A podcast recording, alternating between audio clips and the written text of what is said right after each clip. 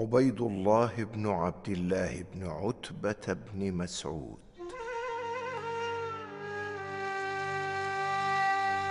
لم يكن الناس في مدينة رسول الله صلى الله عليه وسلم يجدون مشكلة في العثور على إجابات لأسئلتهم أو في الحصول على فتاوى في أمور دينهم ودنياهم.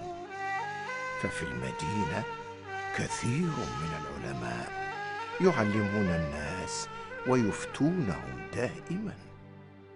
وأهم هؤلاء هم فقهاء المدينة السبعة. أعلم أهل المدينة وأكثرهم فقها وكان من هؤلاء السبعة التابعي الجليل والعالم الكبير. عبيد الله بن عبد الله بن عتبة. ما كل هؤلاء الناس؟ لماذا يتجمعون حول هذا العالم ولا يذهبون إلى عالم آخر؟ ألا تعرف من هذا؟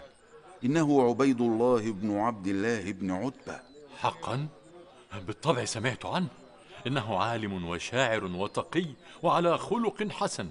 فهمت الآن لماذا يجتمع حوله الناس. هذا هو الحديث العاشر.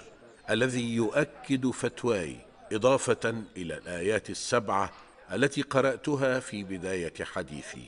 يا عبيد الله ما أعظم علمك وما أقوى ذاكرتك. تحفظ كلام الله وكثيرا من الأحاديث. إذا لم أستفد من هذه الذاكرة القوية في التعلم وحفظ القرآن والأحاديث أكون خائنا للأمانة التي ائتمنني الله عليها. أسمعنا أبياتا من شعرك. نعرف أنك شاعر كبير وعالم فقيه. هذه حلقة علم أيها الشاب. للشعر أماكن أخرى يقال فيها. إنما أجلس هنا لأفتي الناس وأبلغهم ما علمت من كتاب الله وسنة نبيه. لي سؤال إذا يا سيدي.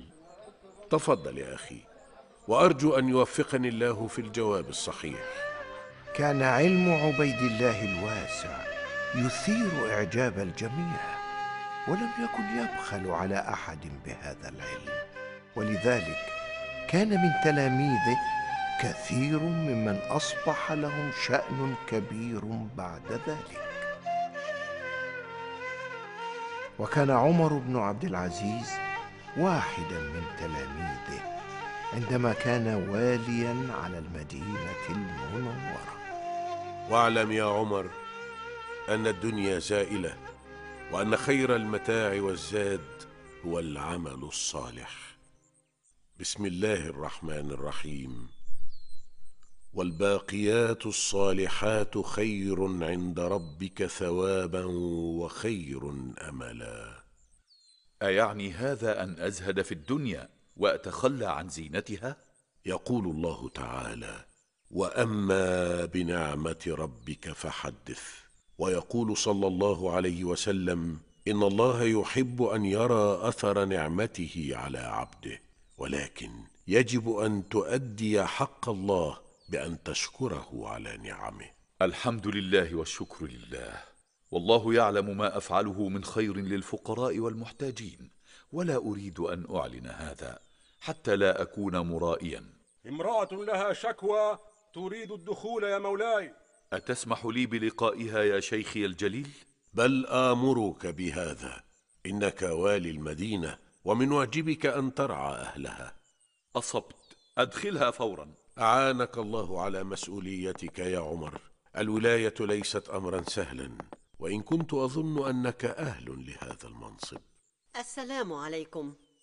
وعليك السلام ورحمة الله وبركاته. ما الأمر يا أختاه؟ بينما أنا نائمة في منزلي ليلا. قفزت قطة من قطط جارتي من نافذة غرفتي. وعضت يدي. وأنا أريد أن آخذ حقي منها.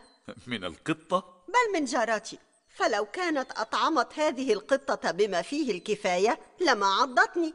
أريد أن أسألك سؤالا. ماذا تناولت من طعام في العشاء؟ وما علاقة هذا بشكواها؟ علاقة قوية سترى. ها أجيبي يا ابنتي. تناولت مع أبنائي دجاجا وخبزا. حسنا. هل غسلت يديك بعد الطعام؟ لا لم يكن لي وقت. فقد كنت متعبة من العمل طوال اليوم في المنزل ونمت سريعا. ليس لهذه المرأة حق ولا ذنب لجارتها وهي المسؤولة عما حدث لها. لماذا؟ أمن الخطأ أكل الدجاج؟ بل من الخطأ عدم غسل اليدين بعد الطعام. لقد نمت وفي يديك بقايا من دهن الدجاج. وقد قال صلى الله عليه وسلم من بات وفي يده غمر فأصابه شيء فلا يلومن إلا نفسه. والغمر هو الدهن فأنت المخطئة وليست جارتك. لولا وجودك لأمرت بإحضار جارتها لأعاقبها. لم أكن أعرف هذا الحديث. ألم أقل لك إن مسؤوليتك كبيرة؟ ولهذا لن أتخذ أي قرار إلا بعد الرجوع إليك يا شيخي الجليل. لقد حان وقت الدرس.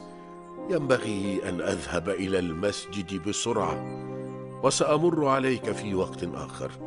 السلام عليكم. وعليكم السلام ورحمة الله وبركاته. هكذا. كانت العلاقة بين عبيد الله وعمر بن عبد العزيز علاقة تضرب مثلا في احتياج ولاة الأمر للعلم وثقتهم بالعلماء. كانت لعبيد الله منزلة رفيعة عند عمر بن عبد العزيز ولذلك كان عبيد الله يذهب إليه في أي وقت. ويحل عليه متى شاء ولكن ذات مرة السلام عليكم.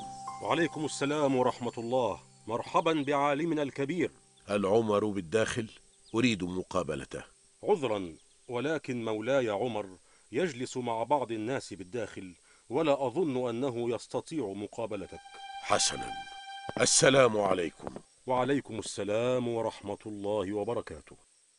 وفي اليوم التالي علم عمر بما حدث فماذا كان يا ترى رد فعله أتمنع عبيد الله من الدخول علي؟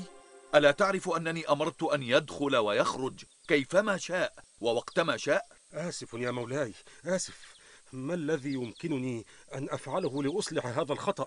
لن تفعل أنت هذا بل أنا سأذهب إليه حالا اعتذر عمر بن عبد العزيز لعبيد الله عما حدث وطلب منه أن يعفو عنه. أعرف أنك غاضب مني ولكني أعدك ألا يتكرر خطأ كهذا. لم يكن هذا خطأ بسيطا يا عمر. أعرف أعرف أن نفسك عزيزة وكرامتك أهم عندك من أن يمسها أحد ولكن لم أكن أقصد أن أمنعك من الدخول علي ليست المسألة كرامة فقط يا عمر. أنت والي المدينة. وإذا لم يتمكن العلماء من الدخول عليك فلن تجد حولك من العلماء من يعينك على أمور دينك ودنياك. أصبت يا سيدي. أكرر أسفي واعتذاري وسيظل بابي مفتوحا لك في أي وقت. لي أنا ولكل العلماء والفقهاء. بالطبع سيحدث إن شاء الله. والآن أيمكنك أن تسمعني شيئا من شعرك لأستفيد به؟ ولأتأكد أنك قد عفوت عني؟ حسنا. سأقول لك ابياتا كتبتها لك خصيصا حتى تعلم أني لست غاضبا منك. أسمعني يا شيخي. باسم الذي أنزلت من عنده الصور والحمد لله. أما بعد يا إن كنت تعلم ما تأتي وما تذر فكن على حذر قد ينفع الحذر. واصبر على القدر المحتوم وارض به وإن أتاك بما لا تشتهي القدر. فما صفى لامرئ عيش يسر به إلا سيتبع يوما صفوه كدر. نصيحة غالية يا معلمي عبيد الله. لقد أعطيتني درسين في يوم واحد. ابتلى الله عالمنا الجليل عبيد الله بالعمى في آخر عمره ولكنه صبر واحتسب الأجر عند الله ولم يكن يزعجه إلا أمر واحد. مرحبا بشيخنا الجليل. لابد أنك متجه إلى المسجد. أليس كذلك؟ بلى يا بني. دعني أساعدك إذا فقد كنت في طريقي لحضور مجلس العلم الذي تقيمه. بارك الله فيك يا بني وأدام عليك نعمة. وأعانك على ما أصابك. ليس حزني على فقد بصري فهذه إرادة الله. ولكن ما يحزنني أمر آخر. خيرا يا سيدي. يحزنني تخلي الأصحاب والأصدقاء عني. أعلم أن الدنيا قد تشغل الإنسان ولكني أشفق عليهم لأنهم عندما يبتعدون عني وأنا في محنة كهذه فهم يضيعون فرصة عظيمة من بين أيديهم فرصة؟ أي فرصة؟ فرصة الثواب الذي أعده الله لمن ساعد أخاه أو وقف بجواره الوحيد الذي لا ألومه هو عمر بن عبد العزيز. لو كان ما زال واليا على المدينة لما فارقني ولكنه الآن في دمشق. وفقه الله وأكرمه. هيا هيا. سيؤذن المؤذن الآن. خذ بيدي إلى صفوف المصلين. وعندما تولى عمر خلافة المسلمين سنة تسع وتسعين للهجرة وأقام بدمشق. كان يتمنى أن يكون بجواره معلمه عبيد الله بن عبد الله بن عتبة. مولاي أمير المؤمنين أتاني الآن خبر من المدينة المنورة. لا أظن أنه سيعجبك خيرا ماذا حدث؟ لقد توفي العالم الفقير. عبيد الله بن عبد الله بن عتبه لا حول ولا قوة إلا بالله. إنا لله وإنا إليه راجعون. رحم الله شيخي الجليل. اللهم تقبل معلمي عبيد الله في عبادك الصالحين. واحشره مع الأنبياء والصديقين والشهداء.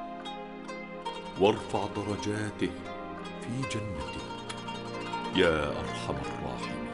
رحم الله العالم الكبير والشاعر الفصيح والتابعي الجليل عبيد الله بن عبد الله بن عتبة بن مسعود.